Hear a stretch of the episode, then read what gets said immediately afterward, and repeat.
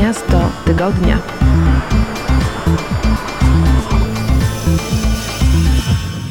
Witajcie w programie Miasto Tygodnia. Nazywam się Błażej Grygiel, a dzisiaj zabieram was, a dzisiaj zabieram was do Namibii. O mieście właśnie z tamtego rejonu opowie nam nasz gość.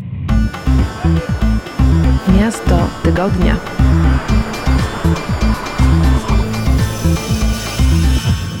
Nazywam się Ania Łukawiecka, mieszkam obecnie w Hiszpanii, ale bardzo chętnie podróżuję do Namibii i spędziłam tam, mogę chyba powiedzieć, około roku na różnych podróżach, również na e, podróżach etnograficznych, bo prowadziłam badania wśród ludów Himba. No i Namibia jest jednym z moich najulubieńszych krajów, ukochanych krajów. Wybrałaś miasto stamtąd, o którym chciałabyś nam dzisiaj opowiedzieć. Powiedz, jakie to miasto? Tak, to jest miasto Opuwo. Jeśli e, ktoś, kto nas słucha, był w Namibii, to może być zdziwiony, że wybrałam to miasto, albo ktoś, kto zamierza pojechać, bo jest to miasto dosyć niepozorne, ale bardzo nietypowe i, no i dla mnie niezwykłe. No i też znalazłam nawet w internecie, e, nawet na Wiki Voyage, taką informację, że jest to jedno z najciekawszych miast w ogóle w Afryce. Czy do tego miasta zaprowadził cię głód e, podróżniczki, zwiedzania, czy robiłaś tam badania? No, jedno i drugie ale pierwsza nasza wizyta, pierwsza moja wizyta w Opuwo, tak, no to to głód podróżniczki. I wiedziałam, że bo Opuwo jest miastem najbardziej wysuniętym na północ, ma prawa miejskie, nazywa się miastem, ale no, wygląda zupełnie inaczej niż to, co, co zazwyczaj wyobrażamy sobie jako miasto. I ja już czytałam o tym miejscu i wiedziałam, że jest to też w północnej Namibii żyje najwięcej osób ludu Himba i Herero, które mnie ciekawiły szczególnie. Także no, najpierw ten głód podróżniczki rzeczywiście i miałam poczucie, że jest to takie miejsce jakby trochę poza zasięgiem turystów i trochę niezbadane jeszcze. Czy dzisiaj to jest miejsce, do którego da się dotrzeć? Czy wymaga ono jakichś specjalnych przygotowań albo pozwoleń, żeby tam w ogóle się dostać? Oczywiście mówimy o sytuacji e, pozapandemicznej. Nie, jest to miasto, do którego spokojnie można dotrzeć. W tej chwili nawet jest już droga asfaltowa, także można dojechać do Opuwo. I jest to miejsce, przez które przejeżdża dosyć sporo turystów, chociaż niewielu z nich tam się zatrzymuje, e, a przyjeżdża przez to miasto sporo turystów, jak powiedziałam, ponieważ około 200 kilometrów na północ jest taka dosyć duża atrakcja turystyczna, jak wodospady Epupa i wodospady Ruakana i dlatego jest to takie miejsce trochę, można powiedzieć, przelotowe. Jaki jest Twój szlak przez Opuwo? Co w tym miejscu trzeba zobaczyć, czego trzeba doświadczyć? Trudno jest odpowiedzieć na takie pytanie, bo Opuwo jest miasteczkiem, różne źródła różnie podają, pewnie zależy co się liczy, ale które ma od około 7, znaczy ma około 7 mieszka tysięcy mieszkańców do około 20, ale y, jest to miasteczko po prostu, które ma tak naprawdę jedną główną ulicę mm, i to jest tyle. Jest wprawdzie kilka szkół, jest też szpital, jest bank, y, ale to są budynki, które, które gdzieś giną w, po prostu w, w takiej typowej zabudowie Opuwo czyli w takich e, albo szałasach, albo domkach zbudowanych trochę z cegieł, trochę z blachy falistej, bo to, co jest właśnie wyjątkowe w tym mieście, to jest to, że ono powstało w sumie przed kilkudziesięciu laty jako, jako baza wojskowa, a nie z potrzeby nie wiem, mieszkańców. E, I tak naprawdę, kiedy ta baza wojskowa została opuszczona 30 lat temu, no, w mieście żyją po prostu ludzie lokalni, czyli ludzie kultury Himba i Herero, i teraz ważne też, może dla tych, którzy, którzy nie wiedzą albo nie byli, że ludzie Himba do tej pory żyją tak jak nomadowie przed kilkuset laty. Czyli wypasają krowy, ubierają się tak bardzo skromnie w skóry, po prostu przewieszone na biodrach. Kobiety mają odkryty biust, nacierają swoje ciało ochrą.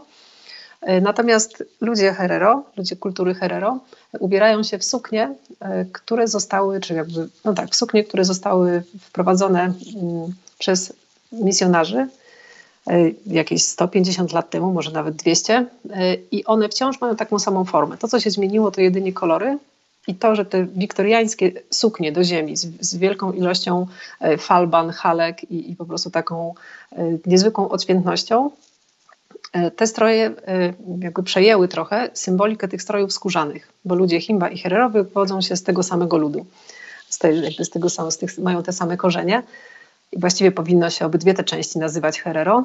E, tak więc w mieście, tak jak powiedziałam, wśród jakichś tam zabudowań takich e, prowadzonych przez naszą cywilizację i tych domków e, ludzi lokalnych, no przechadzają się panie w prostu sukniach do ziemi z pięknymi ozdobami, w pięknych kolorach i, i również kobiety Himba, które mają takie, tak jak wspomniałam, są ubrane w skóry. I to wszystko tworzy niezwykłą atmosferę, więc to, co najbardziej, jeśli, jeśli zadałeś pytanie, co, e, co zrobić w Opuwo, to po prostu mieć odwagę i przespacerować się tą główną ulicą. Wielu turystów po prostu przejeżdża i i fotografuję z samochodów, no właśnie z tego powodu, że to miejsce jest niezwykle egzotyczne, że to, co jest tam z tej naszej cywilizacji, tak naprawdę jest jakąś po prostu namiastką miasta, w którym żyją ludzie zupełnie tradycyjnie. Oczywiście jest też, jest też e, główny plac koło, e, koło supermarketu, bo jest też taki dosyć duży supermarket, e, na którym można kupić rękodzieło. I to rzeczywiście jest miejsce wyjątkowe w Opuwo i, i też w Namibii, ponieważ tam nie docierają pamiątki nie wiem, produkowane w Chinach, a są rzeczywiście większość rzeczy, które można tam kupić, są to, są to nie wiem, jakby pamiątki, biżuteria, ubrania, e, które są robione ręcznie i, i tak, jak były robione kiedyś tradycyjnie. Także to są takie największe atrakcje. No, dla mnie też ogromną atrakcją Opupo jest to, że, że tam mamy bezpośredni kontakt z ludźmi.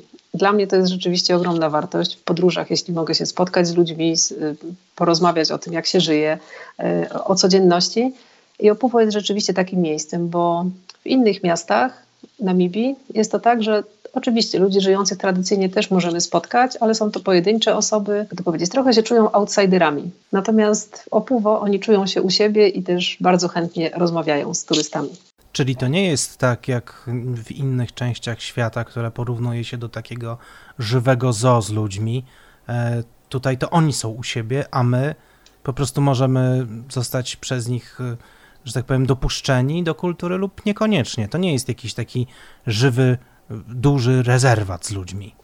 No, tak, właśnie. I to bardzo trafnie tutaj ująłeś, bo właśnie to jest ta wyjątkowość, bo mam poczucie, że z taką kulturą lokalną najczęściej możemy się spotkać no, albo w rezerwatach, albo w jakichś takich wioskach, które są specjalnie zorganizowane po to, żeby zobaczyć taką kulturę. Natomiast Opuwo jest właśnie czymś zupełnie innym, bo oczywiście wokół samego miasta jest bardzo dużo wiosek, też takich, gdzie ludzie żyją nadal ze swoimi stadami, szczególnie kóz, bo z krowami trzeba wędrować gdzieś dalej, ale są też wioski, do których możemy pojechać i zobaczyć, jak żyje się w wioskach. Ale część tych ludzi żyje w miasteczku, tak jak powiedziałam, i to, co jest takiego dla mnie niezwykłego, to to, że ta infrastruktura miejska jest po prostu marginalna, bo po prostu ludzie i tak żyją tradycyjnie. I oczywiście korzystają z supermarketów i na przykład kobiety Himba, o których powiedziałam, też korzystają z supermarketów, tak? I w tych swoich strojach boso chodzą z wózkiem po, po sklepie i robią zakupy i na przykład, co, co też jest takim no, jakimś paradoksem, no ale właśnie to, że na przykład hodują kukurydzę, którą później suszą, rozcierane są w wiosce na specjalnych kamieniach, ta kukurydza jest rozcierana na taką kaszę, no i kiedyś tradycyjnie jedzono samą kaszę, natomiast w tej chwili w supermarkecie można kupić na przykład sosy knora, więc Himba kupują bardzo chętnie sosy knora, e, po czym w swoich wioskach gotują e, te sosy i jedzą z tą tak tradycyjnie uprawianą kukurydzą. Też można zobaczyć dziewczyny, które, które w strojach Himba e, mają słuchawki i, i słuchają muzyki tak, z, z komórek, bo, no bo jednak jakoś tam z tej cywilizacji też korzystają ale to, co mi się bardzo podoba, to to, że biorą z tej naszej cywilizacji tyle, ile chcą. Szczególnie właśnie Himba do tej pory mają taką niezwykłą dumę ze swojej kultury i to nie jest tak, że oni gonią za naszą cywilizacją, że, że tęsknią za tym, żeby żyć tak jak my. Oni chcą żyć po swojemu, mają też jakby taką jedną z ważniejszych wartości ludzi żyjących w tej kulturze jest e, niezależność. Do naszej podróży przez Namibię i miasto Opuwo wrócimy za chwilę. Zostańcie z nami. Miasto tygodnia.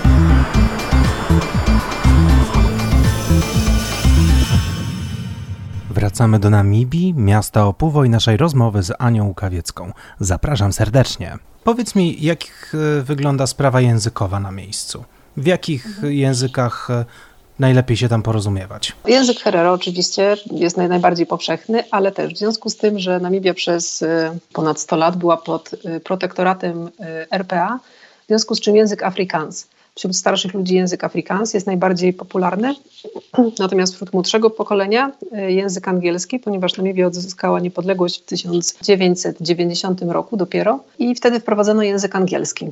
Także dzieci uczą się w szkole angielskiego i też widać rzeczywiście, że angielski jest coraz bardziej powszechnym językiem. A czy jest jakakolwiek bariera na przykład etniczna w związku z tym, że no, turysta nawet albo podróżnik z Polski wygląda jednak inaczej, już abstrahując od ubrania, zaczyna się od koloru skóry.